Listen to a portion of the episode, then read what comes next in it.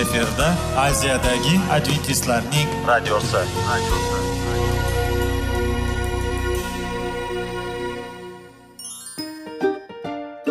assalomu alaykum aziz radio tinglovchilar sog'liq daqiqasi rubrikasiga xush kelibsiz.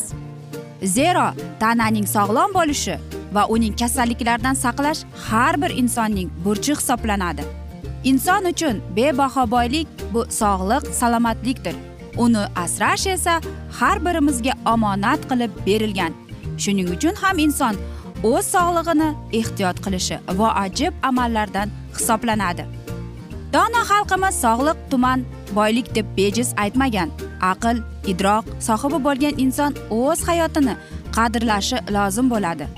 Hozirgi kunda qanchalik dori darmonlar ko'paymasin tibbiy muassa sifati shifokorlar vasiyasi tibbiy texnika yaxshilanmasin. Agar insonning o'z salomatligi haqida qayg'urmasa kutilgan natijaga erishib bo'lmaydi va biz sizlarga bizning dasturimizga xush kelibsiz deymiz.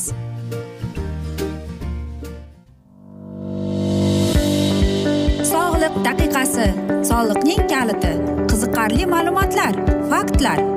Har kuni siz uchun foydali maslahatlar. Sog'liq daqiqasi rubrikasi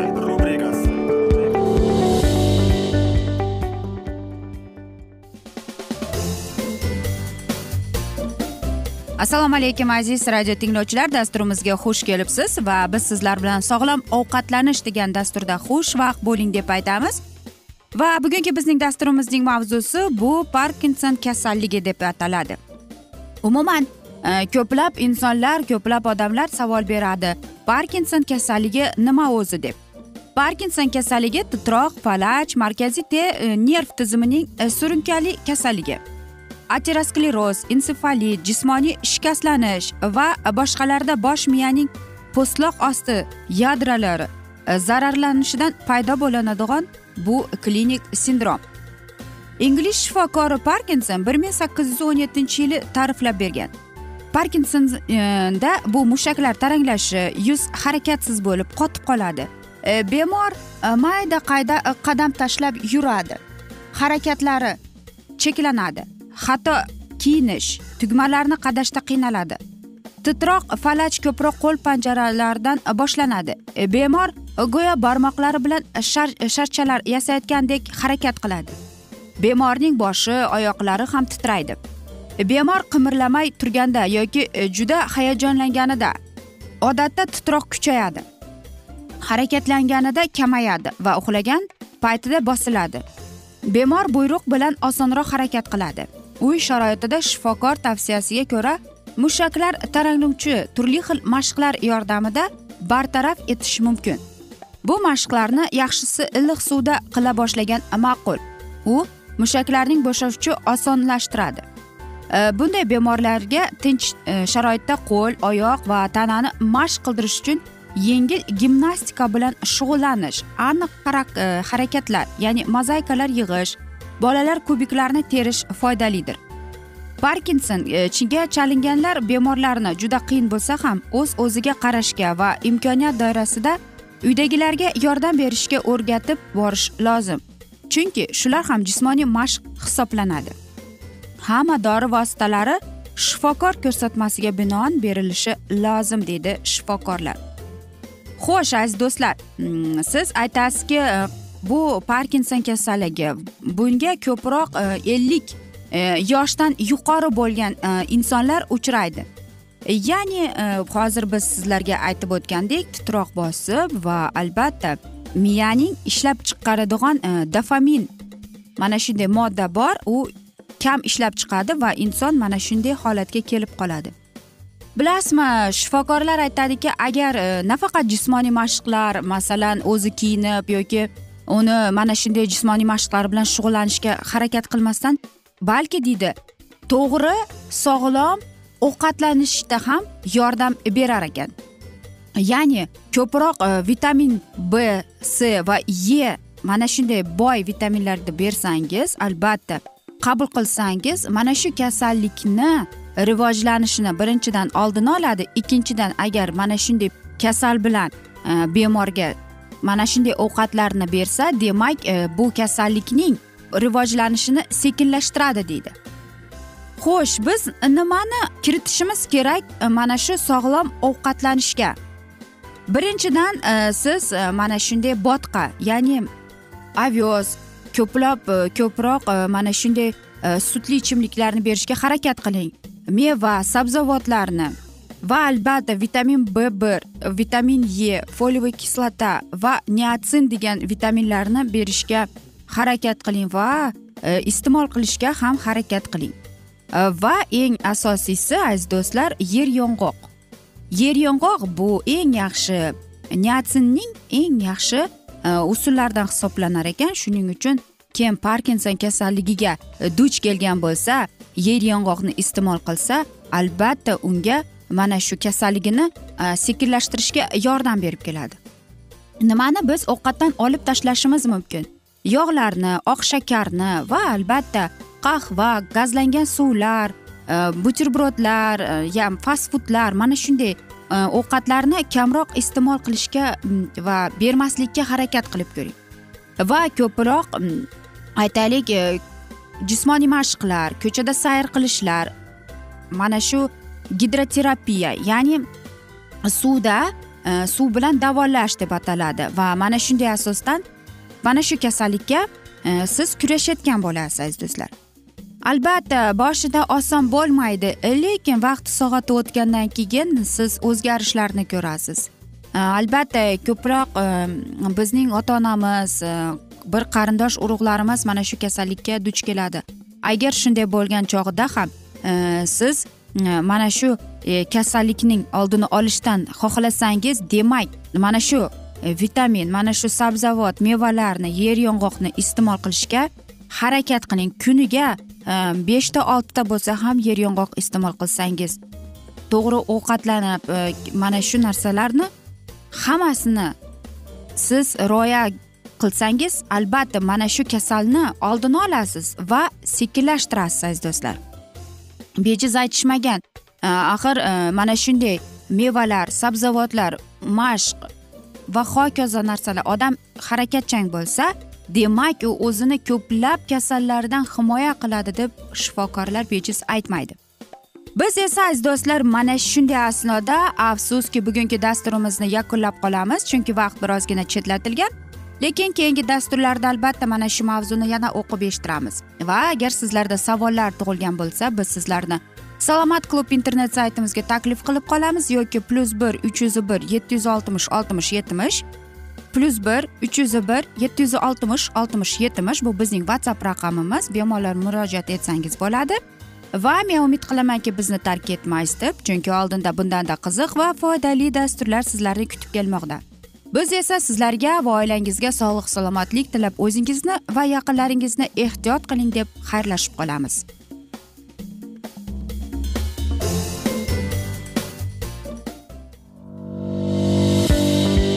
Sog'liq daqiqasi soliqning kaliti qiziqarli ma'lumotlar faktlar.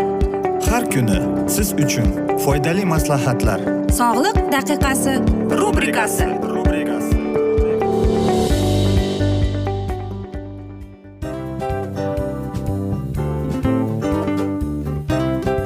mana ha hayotda hamma narsaning yaxshi narsalar tugaydi va yakunlaydi degandek bizning dasturimizga ham yakun keldi. O'ylaymanki bizning dasturimiz sizga foydali bo'ldi deb aziz radio tinglovchimiz. Va siz o'zingiz uchun kerakli xulosalar kerakli maslahatlar olib oldingiz. Aziz radio tinglovchimiz biz bilan qoling va keyingi dasturlarimiz albatta undanda qiziqroq bo'ladi. Mana shu alfozda sizlar bilan xayrlashib qolaman.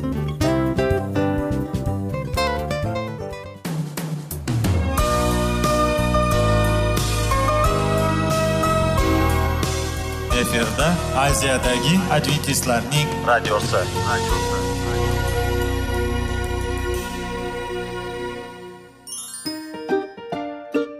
Assalomu alaykum aziz radio tinglovchilarimiz.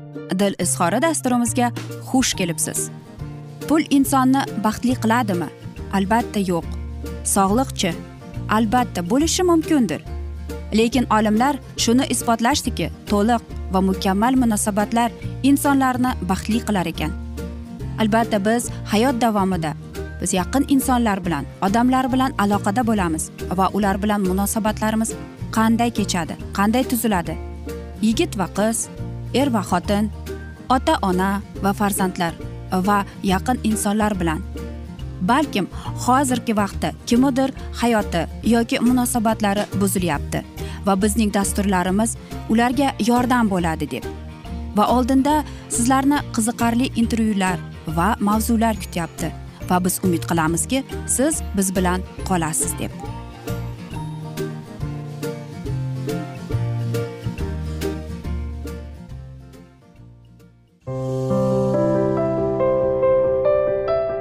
Har kuni har xil kasbdagi odamlar bilan sirlashish va bo'lishish sevgi rashq munosabat. Bularni hammasi dil izhori rubrikasida.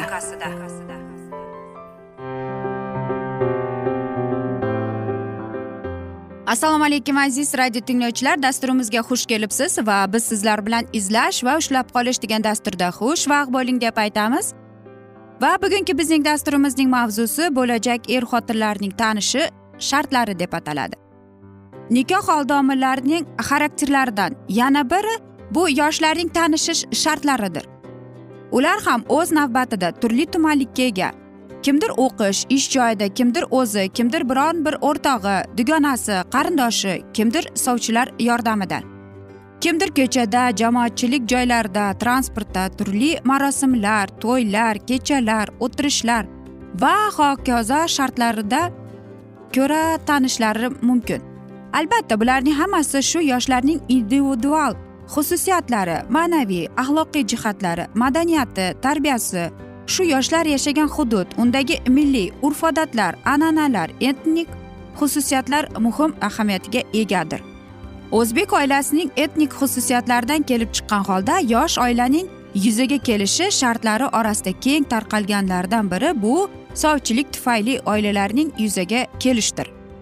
Chunki bizda deyarli barcha oilalarning yuzaga kelishi yigit tomonidan kelinligiga sovchilar borishi bilan boshlanadi. Bunda yoshlar bir birlari oldidan bilishlari sevishlari shunchaki uchrashib qolishlari yoki sovchilar orqali qidirib kelin topishdan qat'iy nazar. Albatta kelinnikiga sovchilar borishi nikohning yuzaga kelishidagi etnik shart rasm rusum urf odatlardan biri hisoblanadi. Bularning barchasini nikoh mustahkamligida o'ziga xos o'rni bor. Agar yoshlar o'zlari sovchilar yordamsiz bir birlari bilan tanishgan bir birlarini topishgan bo'lsalar bunda ular birinchi navbatda tanlagan odamining o'zlarining ko'ngligiga didiga idealiga mos kelishi yoki kelmasligiga e'tibor beradilar. Bu albatta kelgusi hayot uchun muhim ahamiyatga ega bo'lgan omillar hisoblanadi. Lekin bu o'rinda hamma yoshlarimiz ham o'zlariga ham bo'lajak turmush o'rtog'iga adekvat baho bera olmasliklari o'z tengini topishda adashishlari bu borada ularning yoshligi hayotiy tajribalarining yetishmasligi kabilalar ularga xalaqit berishlari ham mumkin. Agar ular sog'lom fikrlay oladigan yuqorida aytib o'tganimizdek oilaviy hayotga psixologik yetuk bo'lsalar ularning xatoga yo'l qo'yishi adashishi ehtimollari kam bo'ladi. Agar shoshma shosharlik qilsalar yetti o'lchab bir kesmasalar shab shubhasiz omadsizlikka uchrashlari mumkin. Umuman o'zlariga juft tanlashda psixologik yetuklikka asoslangan holda yetuk nikoh bilan va mas'uliyat bilan yondoshib o'zlari mustaqil ravishda juft tanlashi yoshlarda keyinchalik o'z qarorlari uchun e, mas'uliyatlikni his qilish o'z oilasi mustahkamligi uchun kurashish xatti harakat qilishi uning e, yosh muvaffaqiyati uchun javobgarlikni o'z zimmasiga olishni ta'minlaydi. Yoshlarimizni qarorlarining yetukligi qat'iyligi ulardagi oilaviy hayot uchun o'z oilasi uchun mas'uliyatli javobgarlikning yuqori bo'lishi hissi ham oila mustahkamligini ta'minlovchi muhim omilidir. Xalqimizning etnik xususiyatlariga xos bo'lgan nikohning yuzaga kelish shartlaridan biri sovchilikdir.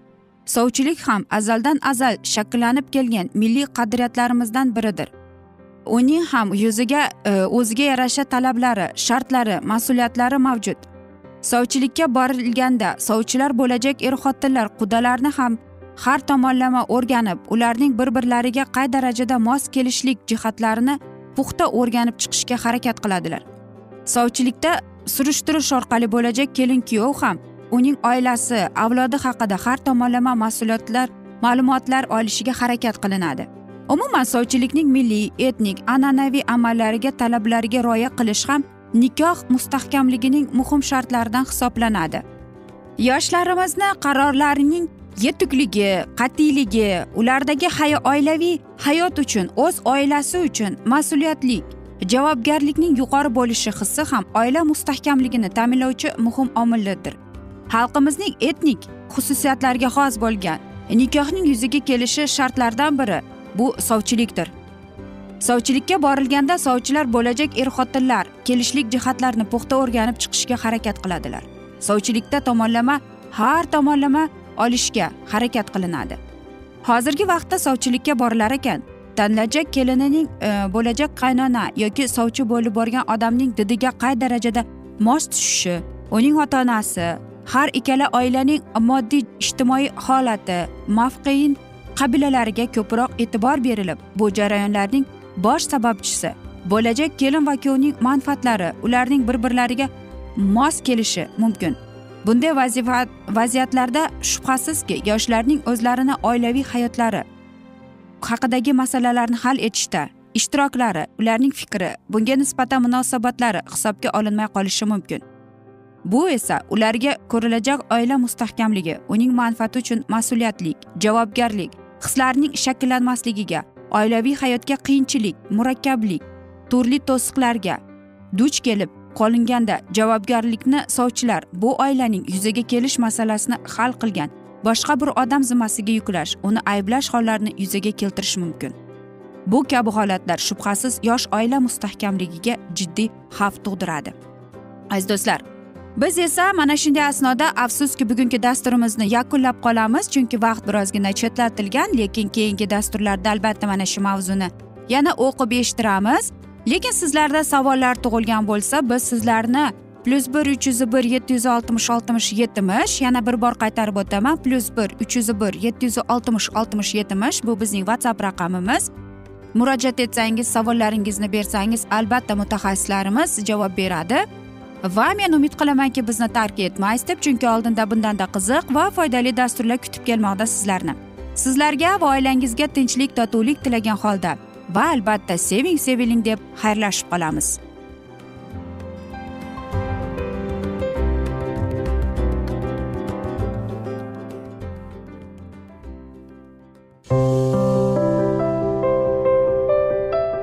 Har kuni har xil kasbdagi odamlar bilan sirlashish va bo'lishish.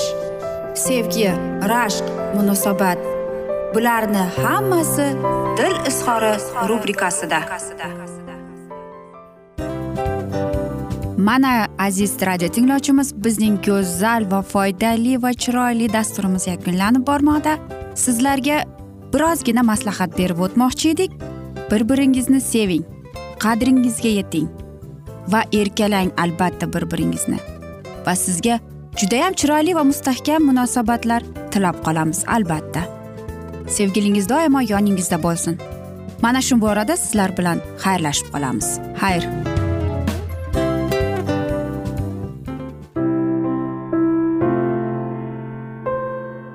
Hayotning noni. Qiziqtirgan savollar va javoblar. Buning hammasi ko'ngil uchun oziqa rubrikasida.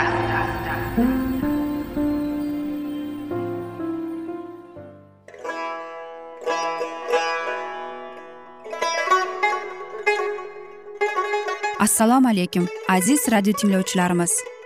Ko'ngil uchun oziqa rubrikasida xush kelibsiz deymiz. Siz haqiqatni izlayapsizmi? Olamnimi? Umidnimi siz kimga murojaat qilmoqchisiz? Odamlar ko'pincha siyosat kuchiga tayanadilar. Dunyo iqtisodiyoti holati tobora chuqurlashib bormoqda. Tabiiy ofatlar va texnogen halokatlar minglab insonlarning hayotini olib ketib juda katta zarar yetkazmoqda. Sizga abadiy hayot inomini hadya qiluvchi va hayotingizni tubdan o'zgartiruvchi haqiqatni izlab toping. Xudo haqidagi haqiqat uning kalomida mujassamlashgan. Kimki bu haqiqatni butun qalbi bilan izlasa albatta unga yetishadi. Bu sevgi xudoning tarixidir. Hayotingizda yoki sizning yon atrofingizdagi olamda nimalar yuz berishidan qat'iy nazar? Siz ertagi kunga buyuk umid va ishonch hosil qilishingiz mumkin. Hozirda xudo sizga taklif qilayotgan umid ishonchga o'z qalbingizni oching va sizni qiziqtirayotgan mavzularni savollaringizga javoblaringizni topib olasiz deb umid qilamiz. Biz bilan qoling.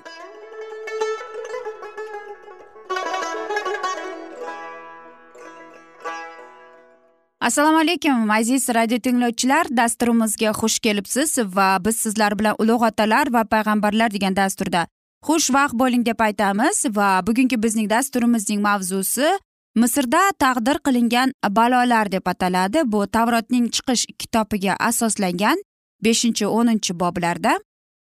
Farishtalar orqali yuborilgan xorin shuncha yil ko'rmagan akasiga peshvoz chiqdi va sahroning sukunatida horib tog' yonida ular uchrashdilar. Suhbatlari uzoq davom etdi va muso uni yuborgan xudovandning ham so'zlarini aytdi va so'zlarini ahd qilgan hamma alomatlarni xoringa bayon etib topshirdi. Birgalikda ular misrga yo'llandilar va gushan yeriga yetib kelib isroilning butun qariyalarini yig'dilar xudo musoga aytgan so'zlarni xorin takrorladi va keyin xudoga xudo musoga bergan alomatlar butun xalqqa namoyon qilindi va haloyiq ishondi. Isroilning o'g'illariga xudovand tashrif buyurganini va ularning azobini ko'rganini eshitadilar va tizlandilar va yerga egilgancha ta'zim qildilar. Musoga podshoh uchun e, ham xabar berilgan edi. Podshoh podshohning vakillari sifatida aka uka fir'avn dargohiga kirib keldilar va uning ismi sha'niga bayon etdilar. Isroil xudosi xudovand shunday dedi mening xalqimga ijozat bergin. Ular sahroda mening sha'nimga marosim o'tkazsinlar xudovand kim bo'libdi? Men uning ovoziga quloq solib isroilni qo'yib yuborsam dedi furavn men xudovandni bilmayman va isroilni qo'yib yubormayman. Ular javob berdilar. Yahudiylar xudosi bizlarni da'vat etdi. Xudovand bizlarni yara va qilich bilan mag'lub qilmasligi uchun sahroga uch kunlik yo'lga qo'yib yuborgin. Biz unga qurbon keltiraylik. Ular haloyiqliq ichida qanday qiziqish uyg'otganlari podshohning qulog'iga yetib borgan edi. U g'azabga to'lib nima uchun? Siz muso va xorin xalqini ishlaridan tiymoqchisiz? O'z ishingizni qilmoqqa boringlar dedi. Ushbu notanish odamlar qatnashuvidan mamlakat zarar chekardi va shuni ko'zda tutib u qo'shib mana bu yerning xalqi ko'pchilik sizlar esa sizlardan ishlaridan tiymoqdasizlar. Qo'llikda isroil xalqi ilohiy qonun to'g'risida bilimini qisman yo'qotdi va uning ko'rsatmalaridan chekindi. Shanba kunining buzilishi odat bo'lib qoldi. Nozirlarining jiddiy talablari va uni olqishlari uchun deyarli imkoniyat bermasdi. Xudoning irodasiga bo'ysunish najot topishning eng birinchi shartnomasi deb muso xalqqa tushuntirdi. Xalqining shanba kuniga rioya qilishni tilaklashga intilish zulmkorlar e'tiboridan sir qolmadi. Xavotirlangan podshoh isroilliklar unga qarshi isyon ko'tarish niyatida deb gumonsiradi norozilik bekorchilikning natijasi deb mulohaza qilardi u. Va shunday qilish kerakki fitnalar uyushtirish uchun bo'sh vaqtlari umuman qolmasin. Ishning miqdorini ko'paytirish uchun u tezlik bilan chora ko'rdi va shunday qilib u mustaqil ruhini o'chirmoqchi bo'ldi. Xuddi shu kun shafqatsiz farmonlar chiqarildi. Ular xalqning mehnatini yanada og'irlashtirib bajara olmaydigan qildi. Mamlakat qurilishida ishlatilgan materiallar ichida ko'pincha quyoshda quritilgan g'isht tarqalgan edi. Eng belgili binolarning devorlarini shu g'ishtdan qurilardi keyin tosh bilan qoplanardi. G'isht ishlab chiqarish qullarning juda katta sonini talab qilardi. G'isht qattiq bo'lishi uchun kesilgan somonni qilq bilan aralashtirish kerak edi va e, juda ko'p somon talab qilinardi. Endi ishchilar somonni o'zlari topib ishlatsinlar degan buyruq podshohdan chiqdi. G'isht chiqarish me'yori esa oldingiday bo'lib o'zgarmay qoldi. Bu farmon butun yer bo'yicha isroilliklarni qattiq hayajonga tushdi misrliklar nozirlari yahudiylardan o'zlariga yordamchilarni tayinladilar. Ular ishni nazorat qilib bajarilishi uchun mas'ul edilar. Podshohning farmoni kuchga kirganida haloyiq somon o'rniga pichan yig'ish uchun butun mamlakat aro tarqaldi lekin odatdagi ish me'yorini bajarib bo'lmasligi belgilandi. Ishlarni bajarmagan uchun yahudiy nazoratchilarini shafqatsiz jazolar edi. Yahudiy nazoratchilari farmon podshohning o'zidan emas balki bosh nazirlardan chiqadilar deb uning ustidan podshohga shikoyat qildilar. Murojaatlarga binoan fir'avn ularni masxara qilib kutib oldi. Bekorsiz bekor shu sababli borib xudovonga qurbon keltiraylik deysizlar. Ishni yengillashtirish to'g'risida fikr yuritma yaxshisi o'z burchlariga qatnashishga buyruq oldilar. Fir'avn o'z huzuridan qaytar ekan? Yo'lda muso va xorinni uchratadilar va faryod chekib sizning orangizda biz fir'avn va uning qullarining ko'z o'ngida nafratda qoldik. Xudovand ko'rsin va sizga hukm chiqarsin chunki siz bizlarni o'ldirish uchun ularning qo'liga qilich berdingiz deb dedilar. Ularning ta'na qilishlarini eshitib muso juda xafa bo'ldi. Xalqning aziyat chekishi tobora og'irlashdi. Butun mamlakat bo'ylab yosh va qariyalarning nola fig'onini eshitadilar va hamma hayotlarida sodir bo'lgan dahshatli o'zgarishlarda faqat musoni aybdor deb sanadilar. Iztirob chekkan holda muso xudovandga murojaat qildi. Yig'lab u yo xudovand nima uchun sen ushbu xalqni shunday balo qazoga duchor qilding? Nima uchun meni yubording? Zero men fir'avn huzuriga kelib va sening ismingni sharofatiga gapirgan boshlaganimdan vaqtdan u xalqqa nisbatan o'z muomalasini besh battar o'zgartirdi. Xalos etishchi sen xalqingni xalos etmading dedi. Aziz do'stlar mana shunday asnoda biz bugungi dasturimizni e, yakunlab qolamiz lekin keyingi dasturlarda albatta e, mana shu mavzuni yana davom ettiramiz. Va o'ylaymanki sizlarda savollar tug'ilgan. Agar shunday bo'lsa biz sizlarga e, whatsapp raqamimizni berib o'tamiz. Plyus bir uch yuz bir yetti yuz oltmish oltmish yetmish plyus bir uch yuz bir yetti yuz oltmish oltmish yetmish whatsapp raqamimiz murojaat etsangiz bo'ladi. Va men umid qilamanki bizni tark etmaysiz deb chunki oldinda bundanda qiziq va foydali dasturlar kutib kelmoqda sizlarni deymiz. Sizlarga tinchlik totuvlik tilab o'zingizni ehtiyot qiling deb xayrlashib qolamiz.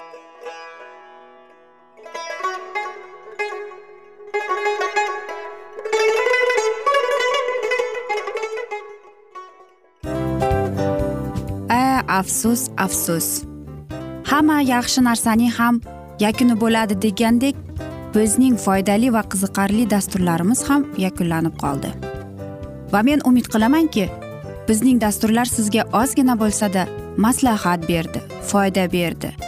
Va sog'liq borasida ayniqsa sizlarga foydali bo'ldi deb. Va siz bizning maslahatlarga amal qilasiz deb. Albatta keyingi dasturlarda undanda qiziqroq undanda foydaliroq ma'lumot berishga harakat qilamiz. Undanda qiziqroq ko'rsatuvlar sizlarga hadya etishga harakat qilamiz. Bizni tanlaganingizga albatta sizlardan minnatdormiz.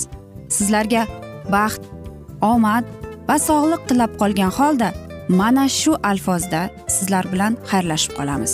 O'zingizni ehtiyot qiling sog' bo'ling omad sizga xayr.